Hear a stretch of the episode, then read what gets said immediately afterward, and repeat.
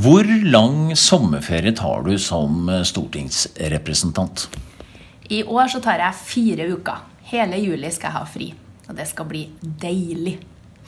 Men eh, formelt sett eh, så møtes jo ikke Stortinget igjen eh, før i oktober?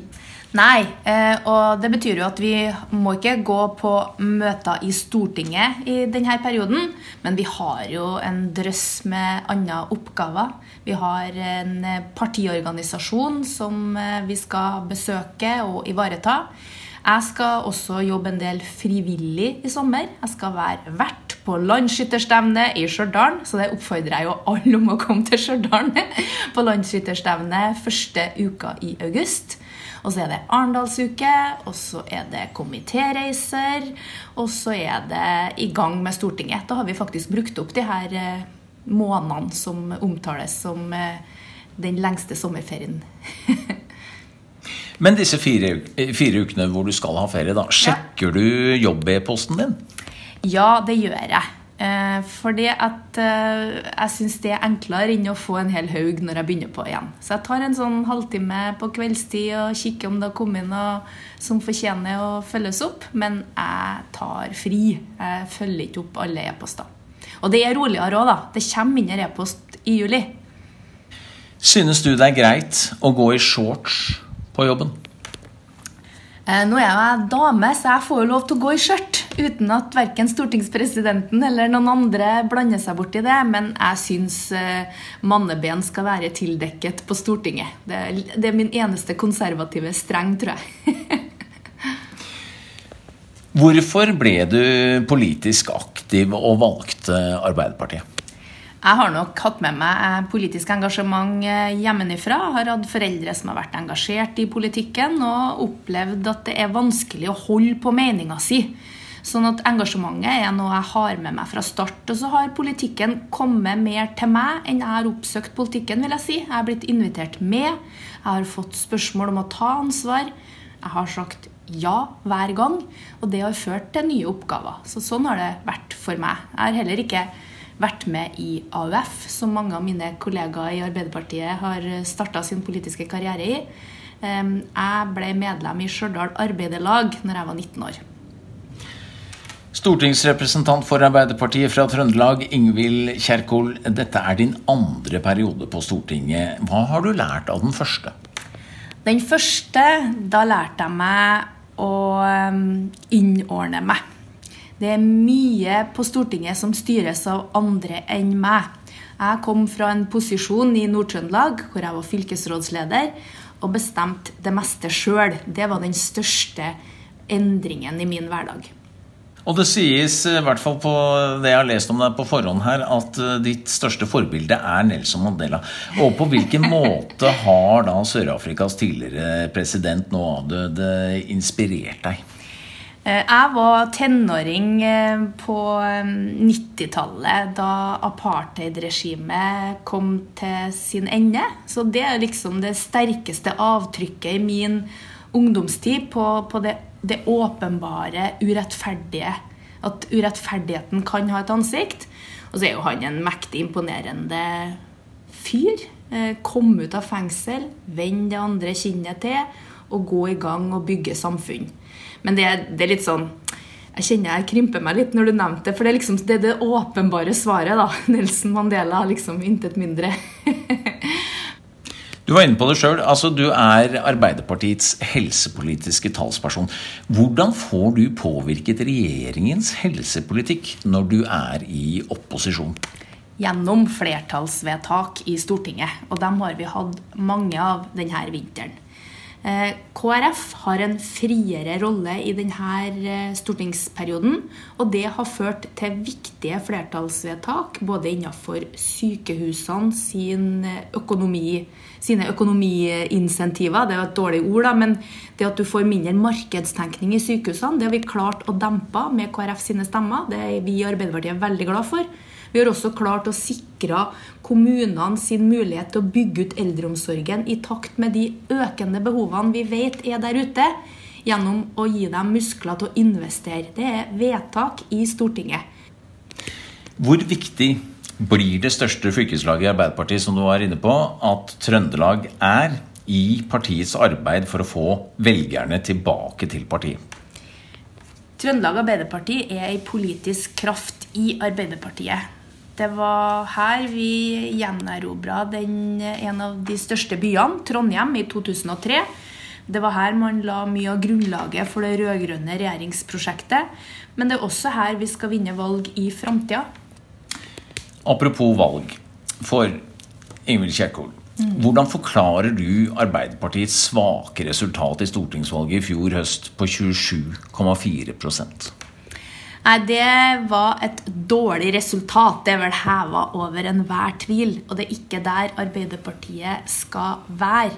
Vi lyktes ikke å skape entusiasme om vårt prosjekt. Mange mener at de heller ikke fikk øye på noe godt prosjekt.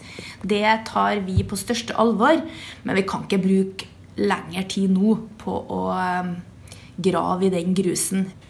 Etter eh, valget i fjor høst så har partiet fortsatt å synke på meningsmålingene. Hva mener du er hovedgrunnen til det? Nei, Det tror jeg er for at man opplever nok ikke at man har hørt noe mye politisk budskap fra Arbeiderpartiet. Eh, og det er det man forventer av Arbeiderpartiet. At vi skal ha svar som folk kan tro på, og som løser utfordringene i hverdagen. Det har vært prega av utenomsportslige saker. og det ønsker vi å legge bak oss nå. Det er et tydelig signal fra hele partiet. Vi må snakke litt om det du omtaler som eh, i politisk forstand utenomsportslig. Ja. Det vil altså si at Trond Giske han trakk seg som nestleder i partiet etter varslingssakene som da kom. Og han er fra Trøndelag Arbeiderparti som deg. Mm. Hvordan vurderer du partiledelsens håndtering av denne saken?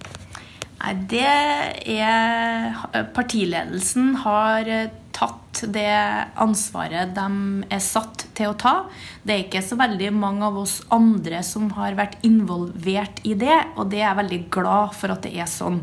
Denne typen saker må håndteres ordentlig og av et fåtall i organisasjonen. Det har partiledelsen gjort.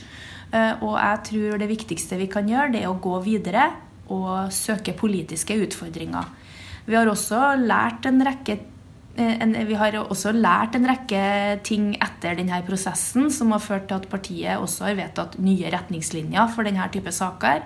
Og det tror jeg er en, en bra avklaring for partiorganisasjonen. Eh, det at man opplever at ting er ugreit i møte med kolleger, det kan jo skje på hvilket som helst nivå i vår organisasjon. Og det er viktig at tillitsvalgte både på lokalt nivå, regionalt, men også oss som har arbeidshverdagen i Oslo, vet hvordan man skal håndtere det. Men så handler det jo om å jobbe, å jobbe med en god partikultur. Det er jo en dag-til-dag-jobb. Det løses ikke med gode vedtekter. Det handler om å se hverandre i øynene, eh, oppføre seg ordentlig og jobbe med politikk. Metoo og varslingssakene har fått konsekvenser i flere partier. Men likevel så har dette spesielt rammet Arbeiderpartiet. Hvordan forklarer du det? Nei, det, det, forklarer jeg nok med at eh, Arbeiderpartiet alltid er hefta med stor interesse. Vi er landets største parti. Men eh, jeg tror nok også at mange har ønska å eh, ta alle analysene i, én og samme kontekst, da, kan du si. Eh, det å ha lagt et dårlig valg bak seg gjør jo ikke det beste for eh, arbeidslyst og motivasjon. Når man får vanskelige saker som berører enkeltmennesker på, på den litt utenomsportslige arenaen i tillegg, så gjør ikke det saken noe enklere. Så mm, jeg tror det har vært litt for mange ting på en gang. Men nå har vi heldigvis lukka noen kapittel, og det er tid for å vinne valg igjen. Og det første muligheten er i 2019. Men hvordan syns du arbeidet i Arbeiderpartiets stortingsgruppe da har vært i fjor høst og i vår pga. denne situasjonen? Nå er det lettest for meg å snakke på vegne av eh, helse- og omsorgspolitikerne. Vi fem Arbeiderpartipolitikerne som jobber med helse og omsorg. Vi har hatt arbeidslyst hver dag. Vi har fått en rekke flertall i Stortinget som gjør en forskjell i folks hverdag. Eh, og det har vært et hovedfokus fra min side. Um, vi var opptatt av at alle skulle glede seg til å gå på jobb. Og um, jeg skulle ønske at du spurte mine kolleger i helse- og omsorgskomiteen om de har gjort det nå, for det føler jeg meg ganske trygg på at svaret deres er ja. Ingvild Kjerkol, litt tilbake til deg. Du har sittet i Arbeiderpartiets øverste organ, sentralstyret, siden 2009. Ja, så lenge ja. Bør Arbeiderpartiet ha to nestledere? Det overlater jeg til en valgkomité å avgjøre. Der er vi ganske trygge i Arbeiderpartiet på de eh, prosessene vi har for å håndtere valg av våre fremste tillitsmenn og -kvinner. Ifølge vedtektene så kan også partiet ha én nestleder, som dere har i dag, fordi Trond Giske trakk seg. Hva tror du er fordelene med å ha to? Nei, ofte velger man jo en løsning med to nestledere pga. at det er en del eh, hensyn partiet er nødt til å ta. Det blir jo en vurdering man også må gjøre ved neste korsvei, og det har vi gode prosesser på å gjøre. Men det har vært nyttig å ha to nestledere i Arbeiderpartiet? Det er, ikke, det er ikke noe tvil om at den lederkabalen vi valgte i 2015, den eh, ble valgt med stor glød og entusiasme, med en god geografisk spredning og mange ulike persontyper som til sammen utgjorde en spennende ledelse.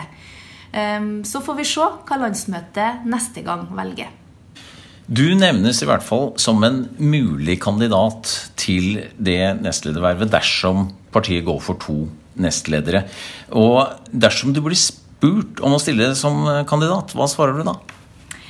Eh, jeg ble også nevnt forrige gang, da.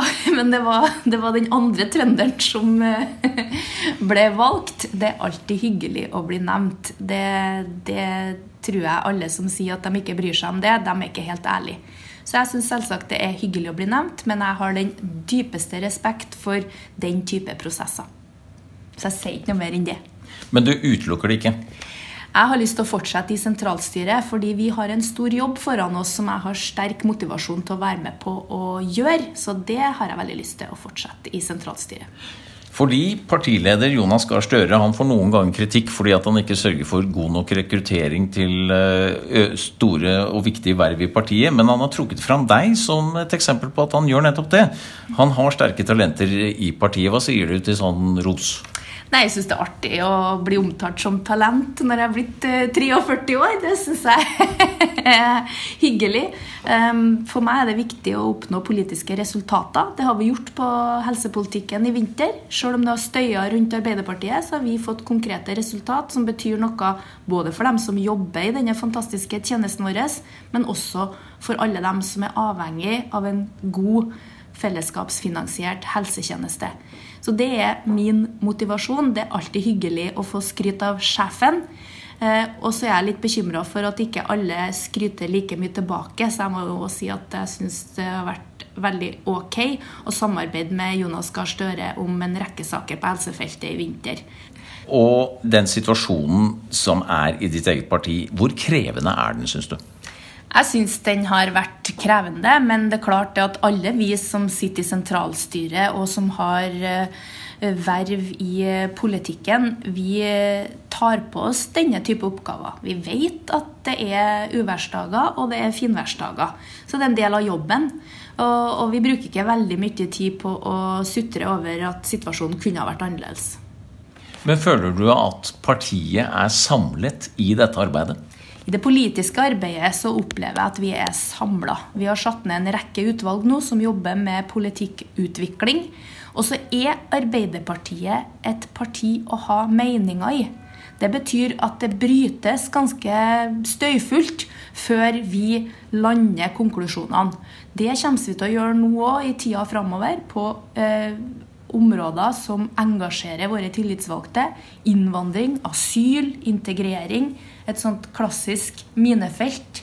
Men vi kommer til å lande på en gjenkjennelig arbeiderpartipolitikk som gjør at vi er en kraft å regne med. Dersom du ikke hadde valgt politikken og eh, Stortinget, hva hadde du gjort isteden? Da hadde jeg valgt noe annet spennende. Men akkurat hva det skulle være, det kan ikke jeg svare deg på nå. Jeg lengter ikke etter noe annet akkurat nå.